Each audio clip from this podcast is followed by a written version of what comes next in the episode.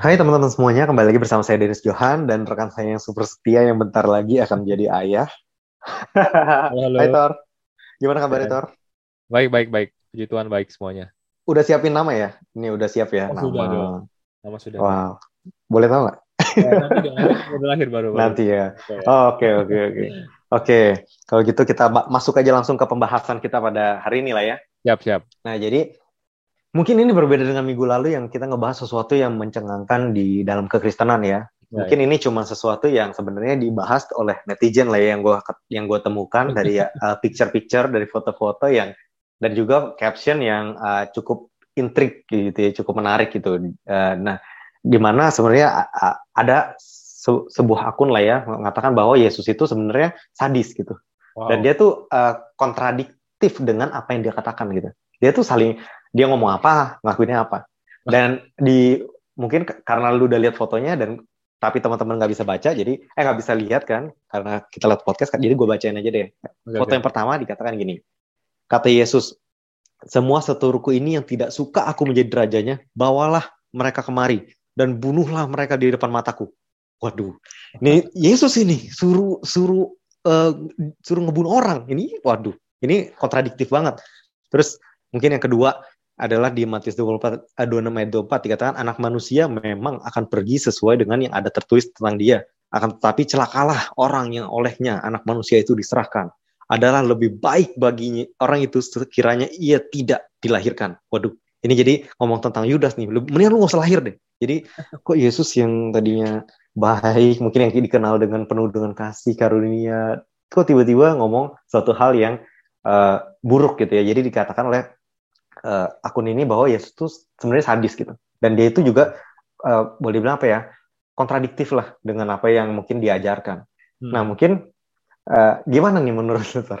mungkin da- lu mau bahas dari yang yang pertama dulu atau yang kedua dulu Pertama dulu kali ya. oke pertama Pertama itu berarti itu ayatnya di mana, Den? Itu di biar pendengar Di Lukas juga 19 ayat 27 dikatakan gini kata Yesus semua seteruk ini yang tidak suka aku menjadi rajanya bawalah mereka kemari dan bunuhlah mereka di depan mataku. Oke. Nah, ini sebenarnya ah gue sering banget sih eh, deng- ya maksudnya di komen-komen YouTube gue juga biasa orang-orang yang nonton Kristen suka mengutip ayat-ayat tertentu bilang lalu menyimpulkan Yesus seperti ini seperti ini dan menurut gue ah gimana ya gue kadang mau jawabnya juga males gitu sebenarnya karena karena bayangin kalau orang-orang tersebut ngomong satu cerita terus gue ambil satu kalimat terus gue simpulkan dari satu kalimat tersebut. Kan nggak adil. Eh, eh, nah begitu pun juga sebenarnya dengan dengan banyak argumen mereka sih. Nah ini salah satunya sih. Hmm, karena hmm. kan kalau kita baca konteksnya ini kan juga sebenarnya Yesus ngomong ngomongnya perumpamaan kan. Perumpamaan betul. masa dia ngomong apa 10 mina ya apa? Jadi kayak sebenarnya mirip konsepnya mirip kayak talenta kan perumpamaan talenta kan. Ada tiga Iya, orang ah. satu dikasih masa yang kalau di sini kasih 10 kasih 5 kasih satu ya Hamba-hambanya. eh. 10 bisa meli- meli- apa Hmm. melipat gandakan yang 5 bisa melipat gandakan cuma yang satu dia malah Hmm, suka karena cuma kayak satu bilang sama Tuhan kok eh, kejam dan segala macam bla bla bla nah akhirnya hmm, di- dia bilang ayat ayat ini gitu kan cuman ya Hmm. back again maksud gua ya ini bukan sesuatu yang Yesus ngomong direct sebagai perintah tapi ini ada suatu perumpamaan yang sebenarnya juga mengajarkan kepada orang-orang yang mendengar termasuk di sini kan sebenarnya dia mau ngomongin mengenai orang-orang Israel kan yang sebenarnya juga menolak dia dan segala macam. Jadi dan kita lihat bahwa kenyataannya nggak seperti itu kan. Kenyataannya juga Hmm. Yesus emang pernah ngebunuh siapa gitu. Ataupun juga bahkan uh, saat Petrus aja apa memotong kupingnya prajurit Hmm. Roma juga Yesus juga sam- sambungin lagi gitu. Padahal kan kalau andaikan Yesus uh, apa sesuai dengan perkataannya mungkin Yesus bilang sama Petrus jangan cuma kupingnya gitu kan. Potong badannya atau apa tapi Yesus nggak kayak nggak kayak gitu. Jadi kayak jadi ya nggak apa ya sangat-sangat nggak adil sih kesimpulannya menurut gue jadi pertama eh, memang secara konteks salah dan kedua adalah nggak selaras juga dengan apa yang dilakukan oleh Yesus sih itu menurut gue Dan hmm. Iya, gue setuju dengan lu bahwa memang Yesus juga bahkan Petrus ketika mau ngebela dia juga dipasang lagi ya. Jadi benar-benar Yesus ketika datang juga dia nggak ngebunuh siapa pun, bahwa dia juga malah nyembuhin dan membangkitkan orang yang mati gitu. Jadi kayak totally opposite dengan apa yang mungkin dipikirkan oleh mereka dan juga kita harus tahu juga mungkin ini lebih ke arah nubuatan juga ya bahwa kedatangan dia yang kedua kali lah yang sebenarnya bukan yang yang kan membawa judgment mungkin ya. Nah, kalau kita ngomong soal oh, kedat ini nubuatan tentang kedatangannya yang kedua kali dan kita kan tahu nih ini akan memang ini inilah yang akan terjadi bahwa judgment akan datang untuk kedatangan yang kedua kali. Yang pertama kali dia datang membawa pengampunan. Itu kita ingat ya. Jadi Yesus pertama kali dia membawa pengampunan. Dia tidak menghukum siapa pun. Dia bahkan mengampuni orang yang bersalah ya. Maksudnya orang yang salah diampuni segala macam, disembuhkan, dibangkitkan, dan di restore, dipulihkan. Namun kedatangan yang kedua ini kan dia memang datang bukan lagi membawa pengampunan nih, tapi yang kedua kali dia datang memang membawa judgment. Nah mungkin ini yang dipikirkan orang adalah bahwa uh, berarti Yesus mengkontradiksi dirinya sendiri. Dan ketika dia datang dia bilang dia dia memaafkan semua orang forgiveness tapi ternyata ketika di, uh, di akhir gitu ya maksudnya kalau dia kan mungkin kalau orang yang ateis ataupun non Kristen ketika baca ayat ini mungkin dia dia nggak tahu nubuatan itu apa atau dia karena dia nggak percaya bahwa Yesus itu sendiri adalah Tuhan kan. Nah tapi let's say anggaplah mereka tahu bahwa ini adalah kedatangan Yesus yang kedua kali misalnya. Nah apakah dengan kedatangan Yesus yang kedua kali dengan judgment untuk membawa penghakiman bagi orang-orang yang lawless, apakah ini mengkontradiksi uh, perkataan dan juga ajaran yang diajarkan kepada kita untuk mengasihi musuh kita? Gimana menurut lu, Ter? Hmm, enggak sih, Den, menurut gue ya. Karena hmm. maksud gue, uh, karena kan judgment-nya belum datang kan. Nah, menurut hmm. gue itu sampai sampai sampai judgment itu datang, istilah gini nih. Hmm. Kita ngeliat rumah kebakaran. Hmm. Nah, dan kita ada orang di dalam situ kebakaran otomatis ya, ya hmm. pasti kita sebisa mungkin menolong orang itu supaya nggak kebakar kan gitu nah yeah. gua ya sama seperti sekarang sih maksud gue saat ya sebelum Yesus datang dua kalinya untuk melakukan penghukuman di mana pada saat hmm. judgment dan nanti dia akan memisahkan antara orang-orang yang percaya sama dia dengan orang-orang yang menolak dia nah sebelum saat itu tiba hmm. ya ya tentu kan gimana ya Tuhan itu kan pasti punya suatu gue yakin ya punya suatu kemauan ataupun juga desire untuk sebanyak-banyaknya orang tuh untuk uh, masuk ke Yesus. Diselamatkan. Hmm. Itu pasti tujuannya dan makanya dia sebelum dia naik perintahnya adalah ya pergilah dan jadikan semua bangsa muridku kan. Nah itu makanya tugas kita kan untuk sebelum judgment day tiba kita bawa banyak, banyak orang nih buat selamat gitu. Jadi menurut gua itu sama sekali nggak berkontradiktif sih, justru malah uh, memberikan warning gitu. Karena karena karena kalau kalau Tuhan mau jahat ya istilahnya tuh Tuhan tuh nggak nggak apa nggak usah ngomong kalau dia akan datang kedua, untuk apa kedua kalinya jadi kayak ya hmm. ya udah tiba-tiba ya jebret gitu kan nggak ada warning tapi kan hmm. kita tahu di Alkitab bahwa Tuhan itu sebelum menjatuhkan penghukuman ya mau di perjanjian lama atau perjanjian baru pasti ada hmm. warning dulu kan kayak Tuhan mau menghukum Niniwe ya ada warningnya dulu gitu kan Tuhan mau menghukum Sodom dan Gomora bilang sama Abraham dulu jadi itu selalu ada hmm. warning lah nggak mungkin Tuhan kayak memberikan sesuatu yang tiba-tiba jadi menurut gue ini nggak nggak kontradiktif sih Hmm, gue setuju dengan lu sih bahwa dan juga kita harus tahu bahwa uh, standar kasih kita yang sebenarnya udah bias ya. Maksudnya mungkin hmm. kalau kita berpikir bahwa kalau kita mengasihi orang maka kita akan mengizinkan orang itu ya ngelakuin apa pun gitu. Jadi ya, ya, nggak ya, ya. perlu ada hakim nggak perlu. Tapi sebenarnya kalau kita pakai logika sedikit bayangin kalau nggak ada hakim nggak ada hukum di dunia ini. Coba pikir kalau gue mau istri lu gue ambil aja. Kira-kira adil nggak kalau kalau nggak ada yang terjadi gitu? Maksudnya nggak ada hakim yang kemudian berusaha mengembalikan istri lu gitu ya maksudnya hmm. dan anak-anak lu gitu bayangin maksudnya coba kita ber, sebelum kita menyimpulkan suatu hal kita bilang bahwa uh, Yesus ini mengkontradiksi hmm. dirinya ataupun mungkin Yesus ini sadis coba think again gitu uh, uh, kalau nggak ada hukum di dunia ini gitu. apakah yeah. itu kasih gitu apa apakah kita masih mau hidup di dalam kasih yang seperti itu gitu yeah. apakah kan of course kita juga nggak mau ya maksudnya kalau barang gue gue berharap ini punya barang gue kalau gue mau kasih gue kasih. Tapi bukan berarti gue akan mengizinkan lawlessness terjadi di uh, dunia ini sih. Dan juga itu mungkin yang udah bias gitu ketika kita ngomong soal seakan-akan Yesus sadis. Dia bukan sadis dia hanya uh, dia memberikan panjang banget mercy seperti yang tadi lu bilang bahwa udah 2000 tahun pengampunan gratis totally gratis. Bahkan orang di samping dia nggak pernah uh, perpuluhan nggak pernah persembahan nggak pernah ngasih apa pun. Selamat udah semudah itu bayangin. Dan kita masih bilang bahwa Yesus ini sadis gitu. Sadis dari yeah. Mananya gitu. Apakah kita kita yang udah bias banget gitu. Makanya kan kayak orang suka ngomong generational generational curse gitu ya. Maksudnya kayak kutuk generasi gitu. Sampai ke tiga dan keempat gitu ditulis di perjanjian lama. Lo tuh ngasih bahwa uh, blessing generation blessing itu juga sampai thousand gitu, sampai ribuan. Kita sering kali bias banget ngelihat sesuatu yang uh, Tuhan hukum dengan kebaikannya Tuhan tuh jauh lebih banyak daripada uh, daripada bukan bahkan sering kali ini judgment ini datang bukan sebenarnya bukan karena Tuhan juga. Jadi hmm. karena Adam yang bawa dosa ke dunia dan juga karena diri kita sendiri yang kemudian mau uh, menjadi hamba iblis kan, bukan karena Tuhan yang iya kan. Tapi sering kali kita menyalahkan Tuhan atas apa yang kita lakukan gitu. Jadi Adam sendiri juga ngelakuin hal yang sama gitu. Adam, Adam sama kayak kita. Dia salah, dia nyalain Hawa dan dia nyalain Tuhan. Yeah, Wanita yeah. yang engkau, ini dia yeah. nyalain siapa? Dia nggak nyalain dirinya gitu. Jadi ini tendensi kita untuk uh, menyalahkan Tuhan kayak nyalain orang kayak intinya kita nggak pernah salah dan itu membuat semuanya menjadi bias karena kita melihat diri kita lah senternya sebenarnya pusatnya diri kita gitu. Jadi ya nggak akan pernah benar kalau pusat diri kita gitu. Hmm. nah kemudian kalau kita ngebahas yang kedua nih Tor yeah. uh, yang tadi kan dibilang bahwa anak manusia akan pergi sesuai dengan yang tertulis tentang dia ataupun dinubuatkan. Nah tapi celakalah orang yang olehnya anak manusia itu diserahkan.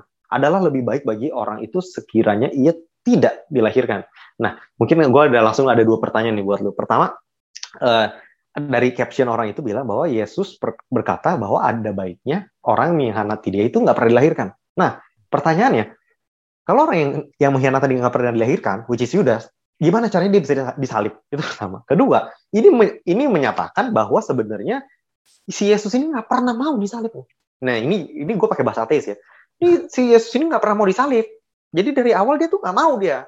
Coba kita lihat di Taman Getsemani nangis-nangis kan? Eh bukan nangis, apa keringet darah kan? Mohon-mohon ke Tuhan kan? Nah jadi dia dia nggak mau nih si Tuhan si kalau dia kalau ateis kan bilang nggak Tuhan. Nah si Yesus ini nggak mau disalib gitu. Makanya dia bilang celakalah orang yang mengkhianati dia. Nah sementara kalau kita orang Kristen percaya bahwa Yesus datang memang untuk menebus dosa manusia, which untuk disalib. Nah tapi dari ayat ini seakan menyatakan bahwa Yesus sebenarnya nggak mau nggak mau disalib. Bahkan di Taman Getsemani kan dia juga berdoa agar cawan ini berlalu. Apakah ini kemudian mengkontradiksi kenyataan yang kita pikir bahwa oh Yesus emang datang untuk uh, disalibkan, dia siap untuk mati. Tapi kenapa Yesus juga ngomong hal-hal yang ataupun melakukan hal yang kayak dia berdoa di Taman Getsemani keluar keringat darah supaya cawan ini berlalu. Nah, coba uh, gimana pandangan lo tentang hal ini? Ya ya, uh, berarti ada beberapa pertanyaan ya. Uh, ada dua. Kan okay. hmm. mengenai ayat itu kan sebenarnya itu nge-refer kepada Yudas kan. Maksudnya ya Iya, betul. Yudas ini tidak, dilahirkan. Nggak pernah disalib. Ya. Nah, terus kalau argumennya kalau nggak ada Yudas Yesus nggak disalibkan juga menurut gue kurang tepat ya. Karena yang yang memutuskan untuk menyalibkan Yesus kan sebenarnya ya ya memang ahli apa para imam tinggi waktu itu dan juga gubernur Roma kan yang yang hmm. memutuskan untuk menyalibkan sebenarnya. Jadi menurut gue sebenarnya menurut gue ya tanpa Yudas pun sebenarnya cepat, cepat atau lambat Yesus Yesus bakal disalib juga menurut gua. Disalib juga. Karena memang Yesus kan udah udah diincar sebenarnya kan. Makanya ada beberapa hmm. ayat juga Yesus kadang-kadang keluar dari kota tersebut, eh, kabur dan segala hmm. macam karena ya semua udah ada diincar. Tinggal Yudas Yudas hmm. menurut gue cuma mempercepat kejadian itu aja gitu. Hmm. Dan itu menurut gue jadi uh, kecuali kalau Yudas ini gubernur Roma, jadi kalau nggak ada dia nggak bisa lipat ya mungkin masih make sense. Cuman kalau Yudas kan cuma oh, cuman ngelaporin doang. Ya. Iya.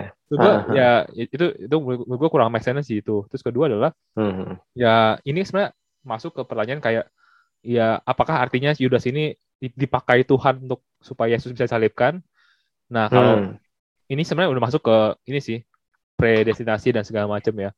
yeah. gue, gue sih uh. percaya bahwa ya Yudas itu melakukan itu karena free will-nya dia sih gitu maksud gue hmm. Tuhan udah tahu bahwa hal itu akan terjadi tapi menurut gue pengetahuan itu nggak berarti bahwa orang-orang itu nggak tidak punya pilihan gitu ya hmm. Jadi, uh, kalau bahasa Inggris itu ada yang bilang bahwa knowledge doesn't mean causality gitu hanya karena Tuhan tahu bukan berarti Tuhan yang menyebabkan gitu ya Tuhan hmm. tahu bahwa Yudas one day akan mengkhianati dia gitu kan makanya pas perjamuan terakhir kan dibilang kan tapi ada satu di antara kamu yang tidak akan dapat hmm. berkat segala macam nah jadi kayak uh, udah tahu gitu. Cuman ya menurut gue tetap tetap tetap uh, apa tindakan pengkhianatan itu tetap uh, dilakukan Judas atas free will dia sih. Itu yang pertama. Nah hmm. kedua adalah mengenai uh, Yesus ya. Nggak mau disalib ya. Iya Yesus nggak mau disalib katanya. Menurut gue sih kalau gampangnya sih kalau kalau Yesus nggak mau disalib Yesus nggak akan turun. Nggak akan turun ke bumi. Dan karena as simple as that gitu menurut gue ya. Mm-hmm. ya itu tapi kalau dia nangis kan dia nangis di taman Gesmani dan segala macam. Keringat darah ya dia dia nangis justru itu melambangkan ketuhanannya dia menurut gua. Satu kenapa? Karena sebagai uh, Yesus kan juga punya sisi ketuhanan ya. Gimana dia punya pengetahuan juga. Dia tahu apa yang akan hmm. dirasakan. Dia tahu hmm. nantinya dia bakal dipukulin dia bakal disalibkan. Sakitnya dia udah tahu. Dia udah kenapa dia sampai keringat darah? Karena dia dia udah dia tahu nih semuanya nih. Apa yang akan terjadi di depannya gitu Nah, hmm. mungkin hmm. dari sisi apa ketuhanannya dia dia nggak masalah gitu kan hal itu. Tapi kok dia kan hmm. masih ada dalam tubuh manusia kan. dia bisa hmm. merasakan gitu dan dan dari dan saat dia ngomong bahwa biarkanlah cawan ini berlalu padaku itu sisi manusianya untuk berkata bahwa oh hmm. ini nggak bisa apa akan sangat berat sekali gitu tapi ya, hmm, hmm. ya kita tahu bahwa Yesus setia sampai akhir kan gitu jadi hmm. bahkan sebenarnya uh, Yesus pun udah udah ngomong juga kan sama sama para murid-muridnya kan bahwa ini inilah tubuhku yang akan dipecahkan untuk kamu jadi sebenarnya hmm. udah tahu gitu. maksudnya Yesus sudah tahu end up-nya akan seperti apa gitu cuman ya dari hmm. sisi kemanusiaannya dia berkata seperti itu aja sih menurut gue dan itu sebenarnya hmm. menunjukkan bahwa ya kita sebagai manusia juga kita bisa gitu loh kita bisa mencontoh dari Tuhan bahwa di saat-saat terberat pun ya kita tetap bisa memohon kepada Tuhan gitu jadi menurut hmm. gue itu sama sekali nggak bukan bu, bukan argumen yang kuat sih untuk menyatakan bahwa Yesus tuh nggak mau turun gitu atau nggak mau disalibkan.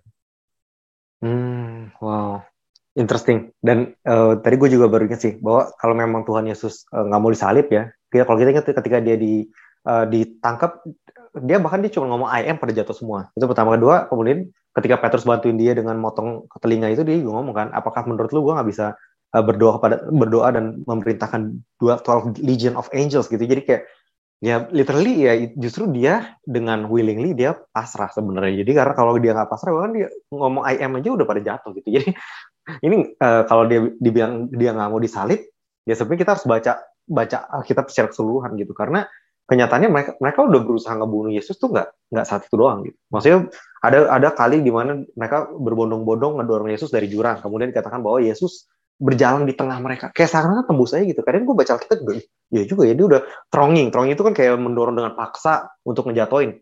Dan dia bisa jalannya ya.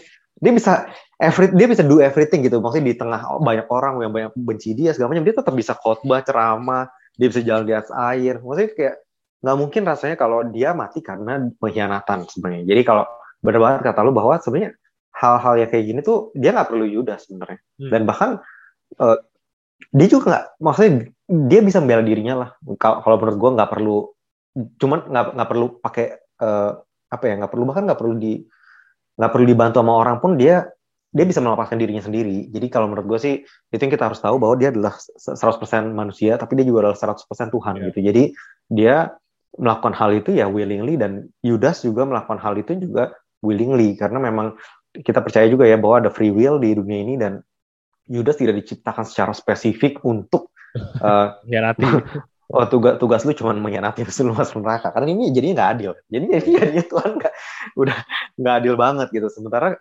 berbeda cerita kalau Tuhan uh, kayak tadi lu bilang memiliki pengetahuan bahwa ini orang yang akan uh, yang akan mengkhianati lu. Nah itu bukan berarti Tuhan yang nyuruh, tapi Tuhan tahu bahwa itu yang akan terjadi. Nah kemudian kalau kita ngomong soal uh, Yesus yang tadi bukan nangis ya mungkin keringat darah itu sebenarnya juga adalah atonement yang pertama kali bahwa kan uh, kita ingat bahwa curse ataupun kutuk yang pertama kali kan dikatakan bahwa dengan keringat lah dengan jerih payah dengan keringat kita akan bekerja seumur hidup gitu ya maksudnya kepada Adam gitu ya nah itu dengan kita juga tahu bahwa uh, kualitas daripada dari Yesus itu untuk menebus ya redeem yeah. jadi ketika dia memang benar pada saat itu of course dia di dalam tekanan karena dia kayak tadi lu bilang dia memiliki pengetahuan sempurna akan apa yang akan terjadi. Dan itu keluarin dia punya drop of blood ke, ke ground ataupun ke tanah yang artinya sebenarnya adalah uh, dia menebus sebenarnya. Keringat ini jadinya kalau dikutuk di perjanjian lama kepada Adam bahwa dengan jeripaya ataupun keringat maka kita tidak perlu. Dan banyak juga dari kita yang sebenarnya banyak yang nggak perlu kerja keras ya untuk di zaman kita ya. Maksudnya nggak untuk bisa berhasil ya. Maksudnya ya ya terutama ya itu sih. Maksudnya karena berkat Tuhan juga. Dan juga uh, kalau ngomong soal Yesus yang sampai uh, memohon supaya cawan ini berlalu segala macam ya karena kita juga harus tahu bahwa dia nggak hanya akan disalibkan. Ini yang ini yang kita sering kali miss out adalah karena mungkin kita berpikir bahwa Yesus mungkin takut uh, dengan penderitaannya. Which is itu benar, which is benar secara manusia. Tapi terlebih daripada itu, dia akan dijadikan dosa. Dia bukan akan uh, dia bukan sekedar dia menjadi apa ya memikul dosa, tapi dia jadi dosa. Hmm. Become sin gitu. He became sin. Dia dia secara personal dia literally menjadi dosa dan ini akhirnya yang kita lihat bahwa ada mungkin ada ada saat di mana momen seakan-akan kayak dia terpisah dari Bapak sehingga dia, dia berkata bahwa my God, my God gitu makanya why have you forsaken me karena dia dosa gitu loh. Dan itulah saat yang dia sebenarnya dia uh, dia takut, dia stres mungkin ya karena iya, kalau menurut gue sih bukan bukan lebih ke arah uh, penyalipannya tapi lebih ke arah hal ininya sih. Karena kalau menurut gue penyalipan itu juga terjadi cukup cepat ya. Maksudnya nggak sampai berhari-hari. Dia cuma uh, mungkin 6 jam ya kalau nggak salah ya. Kalau nggak salah dari jam 6 mungkin jam 9, 6 jam sih kurang lebih nggak, nggak sampai 24 jam lah ya. Maksudnya jadi nggak nggak selama itu penderitaan. Memang penderitaan terparah, tapi uh, yang lebih parah adalah karena secara spirit dia uh, dia akan dibiarkan dosa sih. Dia, dia, dia itu yang uh, kalau menurut gue secara spiritual itu yang jauh lebih lebih dia concern ya. gitu ya. Nah kemudian uh, lanjut lagi nih Tor, mungkin ini pertanyaan terakhir.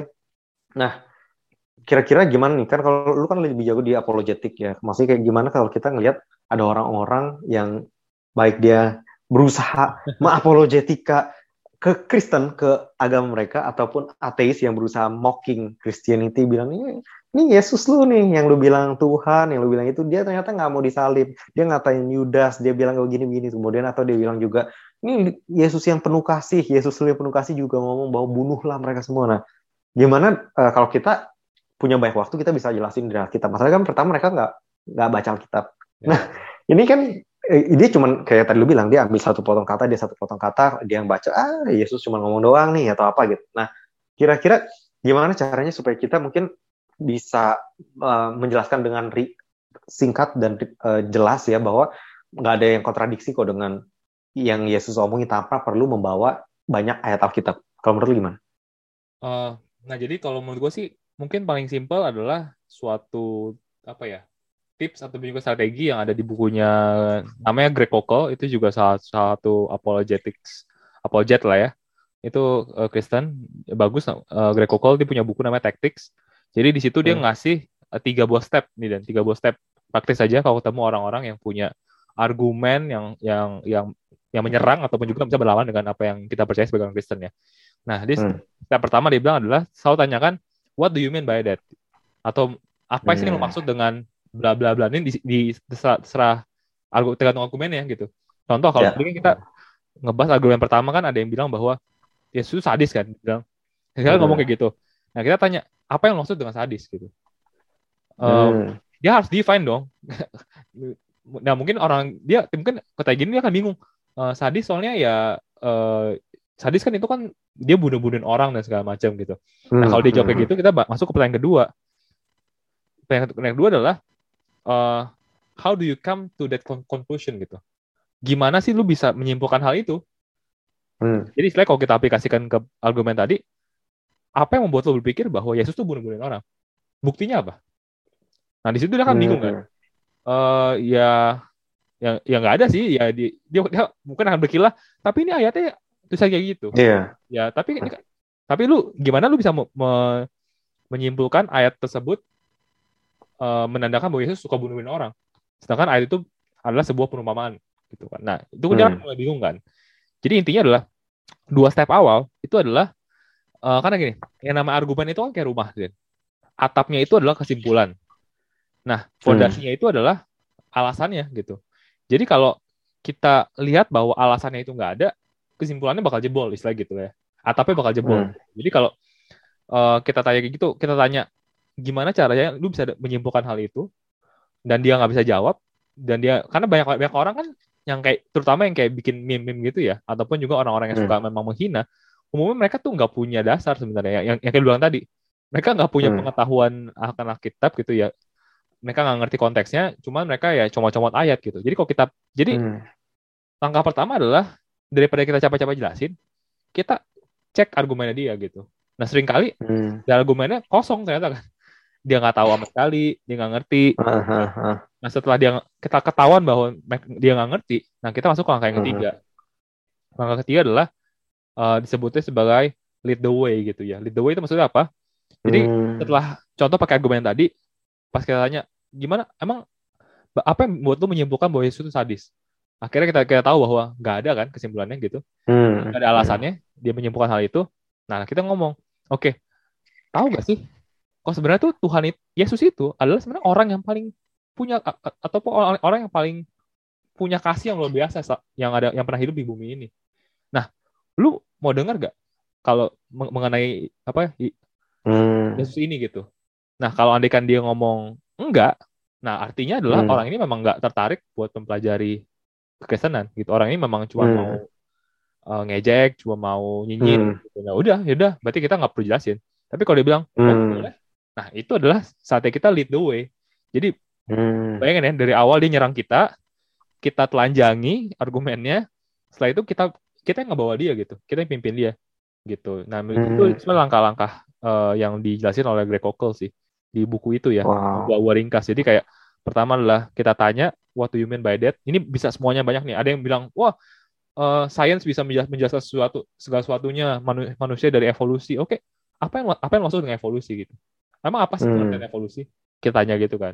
Terus kedua adalah apa yang membuat dia menyimpulkan hal itu? Dan ketiga adalah uh, kita counter gitu. Kita yang kita yang membawa dia uh, apa kepada kesimpulan ataupun juga kebenaran yang ada dalam kekristenan. Gitu. Hmm. Itu sih yang yang yang gue pelajari dan gue harap bisa ngebantu dan. Wow, itu interesting banget ya dan juga uh, membantu banget sih maksudnya kayak kalau kita menghadapi orang dan kita juga nggak terlalu uh, paham ya maksudnya dengan Alkitab juga dan apalagi kalau orang-orang ateis yang memang mereka juga nggak pernah baca Alkitab yang cuma kutip-kutip ayat. Nah ini mungkin bener banget sih karena kata lu pakai logika aja gitu, pakai logika dulu.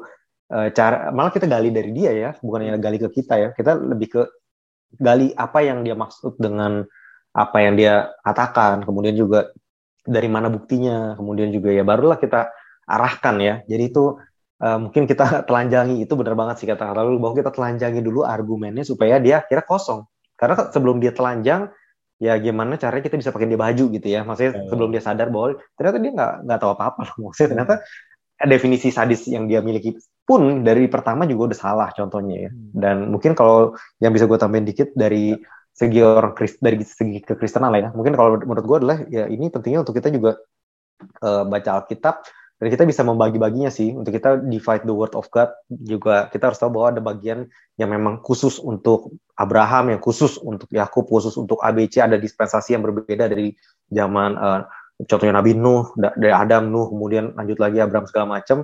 Dan ada dispensasi yang berbeda untuk uh, di generasi kita juga supaya kita juga ketika melihat baik uh, ayat ataupun contohnya kayak ini juga kan perumpamaan sebenarnya ketika dia mau jadi raja yang disuruh ngebunuh kan most likely ini kan uh, nubuatan yang belum terjadi saat ini dan itu pun terjadi cepat banget bukannya saat ini juga. Jadi kalau saat ini nggak ada buktinya bahwa Tuhan Yesus pernah ngebunuh siapa pun sebenarnya. Jadi uh, kita juga harus tahu sih maksudnya berdasarkan minimal konteks dan juga uh, dispensasi yang kita uh, ada saat ini gitu. Jadi kita juga nggak kemudian mengarahkan orang yang juga lebih uh, maksudnya jadi ngaco juga gitu. Apalagi kalau kitanya sendiri juga ngaco gitu ya. Jadi gimana cara kita bisa tepat kalau kita sendiri juga ngaco gitu. Jadi ya itu sih kalau menurut gue mungkin kita juga perlu sedikit banyak pengetahuan akan Alkitab supaya kita nggak mudah goyah ya ketika kita meng menghadapi argumen-argumen ini sih. Mungkin itu aja yang bisa gue tambahin dan karena udah cukup uh, lama ya mungkin kita tutup aja sampai di sini. Uh, kalau teman-teman ada pengen menambahkan suatu topik yang bisa kita bahas bareng bisa langsung uh, chat di Instagram kita at cataniman.id atau di rekan gue punya Instagram di at Aditya atau di gue at Denisus Johan. Uh, kalau gitu kita tutup dulu sampai di sini. Mudah-mudahan kalian tetap stay safe dan juga diberkati Tuhan di mana pun kalian berada. Hmm. Kalau gitu sampai ketemu minggu depan. See you and God bless. God bless.